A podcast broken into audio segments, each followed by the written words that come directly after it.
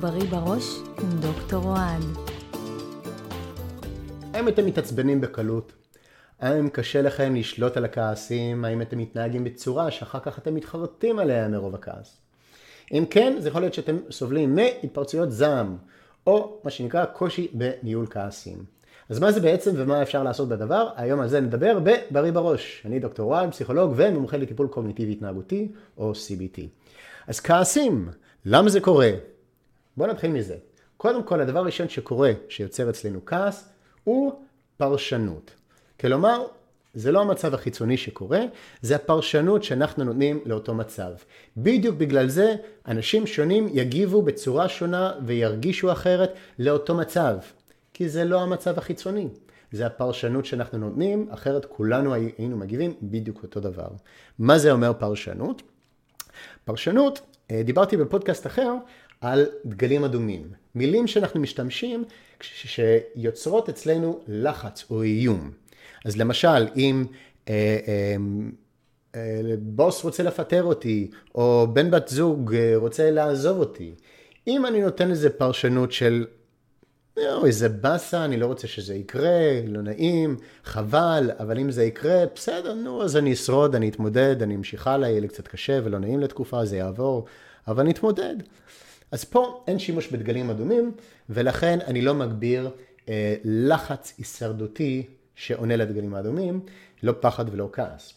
אבל אם אני כן אשתמש במצבים כאלה, בדגלים אדומים, ואני מזכיר אה, אה, למי שלא אה, שמע את הפודקאסט הקודם או לא זוכר, דגלים אדומים הם מילים אבסולוטיות כמו חייב, צריך, אסור, לא בסדר, מצפה, יותר מדי, לא מספיק, או שאלות אובססיביות כאלה כמו למה, למה זה קורה, מה יהיה, מה אם, כל המילים האלה הם דגלים אדומים, שברגע שאנחנו משתמשים בהם, אנחנו בעצם מפעילים את המערכת ההישרדותית שלנו, חווים הפרשת אדרנלין לגוף וחווים לחץ בצורה של או פחד או כעס, fight or flight.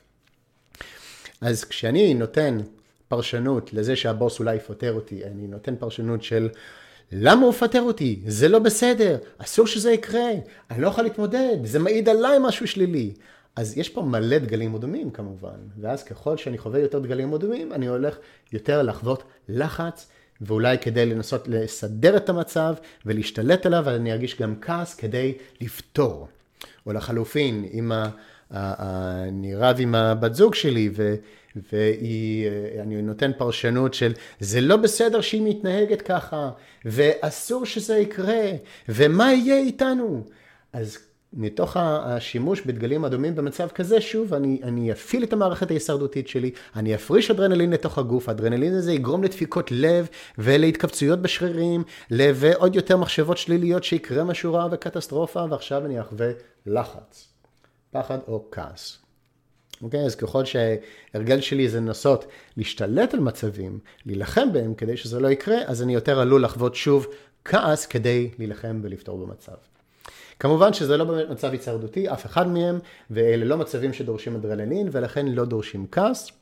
לפעמים אני עדיין אחווה את הכעס, אבל צריך לדעת שהוא מיותר ולא באמת משרת אותי. אבל ככל שאני משתף איתו פעולה ופועל מתוך הכעס, נתתי לו לגיטימציה, והוא יחזור שוב ושוב ושוב ושוב. אוקיי? אז התגובה הזו של פרשנות היא מה שבעצם יוצרת את הכעס.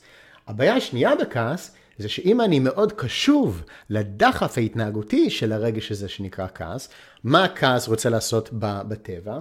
להילחם למען ההישרדות. אוקיי? אה, אה, לרצוח, לתקוף, אה, להגן על הגורים שלנו בכוח, ולכן זה יוצר מאוד דחף אלים, אוקיי? לפעמים אפילו פיזי, לא, לא לפעמים, הרבה פעמים, אוקיי? ואם אני לא רגיל לזהות את הדחף הזה, להכיל אותו, לתת לו לחלוף, לחלוף, לעשות איתו משהו אחר כדי לפרוק אותו, אז אני עלול להקשיב לו, להזדהות איתו, ואז אני עלול להגיב בצורה אלימה, גם אם זה לא פיזית, אולי אה, רגשית, אולי מילולית, אולי התנהגותית בצורה שהיא לא במגע, אבל לעשות משהו אחר שכביכול פוגע בצד האחר, גם אם זה לא אה, להרביץ. ואז כמובן הדבר הזה הוא יכול אה, ליצור צרות, או בשבילי או בשביל מישהו אחר, שזה לא באמת מה שרציתי, פשוט באותו רגע הייתי מאוד מופעל על, על ידי הדחפים הרגשיים שלי. אז אלה שתי הבעיות העיקריות בהתפרצויות זעם. פרשנות שיוצרת לחץ מיותר והזדהות עם הדחפים שגורם להתנהגות לא רצויה. אז מה אנחנו יכולים לעשות בנדון? קודם כל צריכים ללמוד לזהות את הפרשנות השלילית הזו, לזהות את השימוש בדגלים האדומים. אה, אם לא באותו רגע, כי אם מאוד קשה לנו, אנחנו יותר מוצפים, בסדר, אז יש נפילה, אז אחר כך. לחשוב אחורה, מה קרה באותו אירוע? האם נתתי פה פרשנות שלילית? האם השתמשתי בדגלים האדומים? אה, כן, כן השתמשתי. האם אני יכול להחליף את הדגלים האדומים האלה בדגלים יותר ירוקים? האם אני יכול לתת פרשנות חדשה למצב הזה? לא להתעקש שהוא אה, בסדר, אה, לא בסדר, ואסור, וחייב, ומאיים עליי, אלא להגיד משהו כמו זה מאוד מאוד מאוד מבאס שזה קורה, ומאוד הייתי רוצה שזה לא יקרה, אבל אם זה כן קורה, בסדר, זה החיים, זה קורה, זה נורמטיבי, זה חולף, אני אשרוד, זה יהיה לא נעים, אני אתגבר על הלא נעים הזה ונמשיך הלאה עם החיים. אז בואו לא נפריש אדרנלין על זה, בואו לא עכשיו נקרא לזה, ניתן לזה אה, פירוש, פרשנות עם דגל אדום. אז זה הדבר הראשון שאפשר לעשות, ושוב, לא באותו רגע, כי אנחנו יותר מדי מוצפים וזה מאוד קשה, אז אחר כך בדיעבד, כשנרגענו ואנחנו חושבים מחדש, ואז לתרגל, להגיד לעצמנו אפילו ביום יום, זו הפרשנות החדשה שלי, ככה הייתי רוצה לבחור לראות את המצב הזה. ואז פעם הבאה שהמצב יעלה, ככל שתרגלתי יותר, יש יותר סיכוי שהפרשנות החדשה תהיה לי זמינה גם בזמן אמת, ואז אני אוכל אולי לא ישר להסכים איתם. עם הפרשנות האוטומטית במצב דומה. כמובן יש כל מיני מצבים דומים, אז אני אצטרך לתרגל על הרבה מצבים אה, שונים את הפרשנות החדשה. זה הדבר הראשון שאפשר לעשות, והדבר השני שאפשר לעשות זה ללמוד איך להגיב אחרת לדחף. לדחף האלים הזה, עכשיו לנסות להשתלט על השני, או לבקר אותו, או להיות אה, אלים כלפיו, צריך ללמוד אה, לזהות את הדחפים האלה, כי הם טבעים לכולנו. אין מה לעשות, זה חלק מהגנטיקה שלנו, fight or flight, בטבע, זה מה ששמר עלינו מיליון שנה, אז זה קיים אצל כולנו. Okay, אוקיי, יש כאלה שכבר עברו את זה, ואז הם כבר הגיעו להסתגלות רגשית ופחות חווים את הרגש, ואז אתה מסתכל עליהם ואתה אומר, רגע, אבל להם אין את זה. לא נכון, היה להם את זה. הם פשוט אחרי ההסתגלות הרגשית, כי הם כן למדו איך להכיל את הדחפים האלה ולחכות, או לפרוק אותם בצורה אחרת, עד שהם יידחו ויחזרו פחות, מה שנקרא הסתגלות רגשית. סליחה. אז הם כבר בשלב אחר, אבל כולנו חווינו את זה מתישהו. אוקיי? אז כדי להגיע למצב הזה, אנחנו צריכים ללמוד איך לזהות את הדחפים האלה, את הרגשות האלה ולתת להם להיות, אבל בגלל שזה מאוד מאוד מאוד קשה לעשות בזמן אמת, אז עדיף לעשות את זה באופן יזום. מה זה אומר? לתרגל סימולציה. מה זה אומר לתרגל סימולציה? אנחנו יכולים לדמיין מצב מעצבן, או להיזכר במצב מעצבן, או, או, או להסתכל או לקרוא במשהו שמגביר אצלנו את תחושות הכעס. או אפילו להגיע אלינו אה, למישהו ש, שאנחנו יודעים שאם נשאל אותו משהו מסוים והוא יענה לנו את הדבר הטיפוסי הזה, זה יעצבן אותנו. אז גם את זה אפשר לעשות בשלב מתקדם, אבל להכין את עצמנו מראש לתגובה המעצבנת, ואיך שזה מגיע, להגיד הנה הנה הנה זה מגיע, ואיך שזה מגיע, ללכת לחדר אחר, ואז להמשיך את התרגול, לא לנו במקום. אבל עדיף להתחיל עם זיכרונות או דמיון כדי לנסות להגיע לרגשות האלה, ואז איך שהם מגיעים, להכין לעצמנו רשימה, אולי אפילו אה, רשימה רשומה בנייר, ולהכין אותה אה, ככה מראש ולהחזיק אותה, ואז כשאנחנו מגיעים לרגש של הרגש, להגיד, אוקיי, מה אנחנו עושים עכשיו עם הרגש הזה, שלא דורש התערבות של מישהו אחר, לא להגיב למישהו אחר באותו רגע. אז אולי רשמתי לעצמי ללכת לחדר האחר, להרביץ לכרית, אולי רשמתי לעצמי ללכת לעשות הליכה קודם בחוץ. או, או לעשות איזה תרגיל הרפייה. אולי uh, קבעתי שאני אדבר קודם כל עם מישהו נוטרלי, לפרוק אליו קצת uh, לפני שאני מגיב.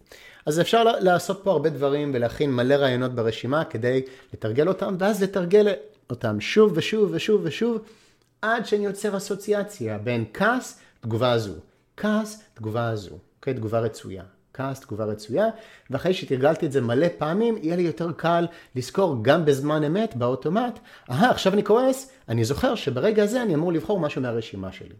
ואז יהיה לי יותר קל לקחת את הכעס הצידה, ולפרוק אותו בצ... בצורה יותר מקובלת עליי. אז אלה שני דברים שאפשר לעשות. לעבוד על הפרשנות שלנו במצבים שמאיימים עלינו, ומצד שני, לתרגל לפרוק את הכעס בצורה שמקובלת. מה שלא כדאי לעשות זה לצפות שאנחנו לא נכעס, כי זה לא קיים, כולנו כועסים מתישהו. הדרך היחידה להגיע לצד השני של הכעס, זה לאפשר לה לדעוך ולחזור פחות מרוב שאנחנו, המערכת רגשית לומדת שבעצם היא מיותרת, כי לא קרה כלום, זה לא היה מצב הישרדותי, ורק אז הרגש הזה עובר. אי אפשר בכוח, זה רק יוצר אי קבלה של המצב, שגורם לנו כעס, ואז אנחנו מגבירים אותו עם לגיטימציה. אז לא לנסות לעצור את הכעס, לא לצפות שהוא לא יהיה, לקבל אותו, אבל להתנהל אחרת כשהוא מגיע. אז זהו, מקווה שזה עזר לכם. מוזמנים לתרגל, אם אתם רוצים לקבל אה, עוד, אה, אה, לקבל עדכונים על שידורים חדשים, על נושאים חדשים או על אה, כלים נוספים, אז אתם מוזמנים לעקוב אחריי אה, ביוטיוב או בפודקאסט שלי. אני דוקטור רד ומאחל לכם שיהיה לכם שבוע בריא בראש.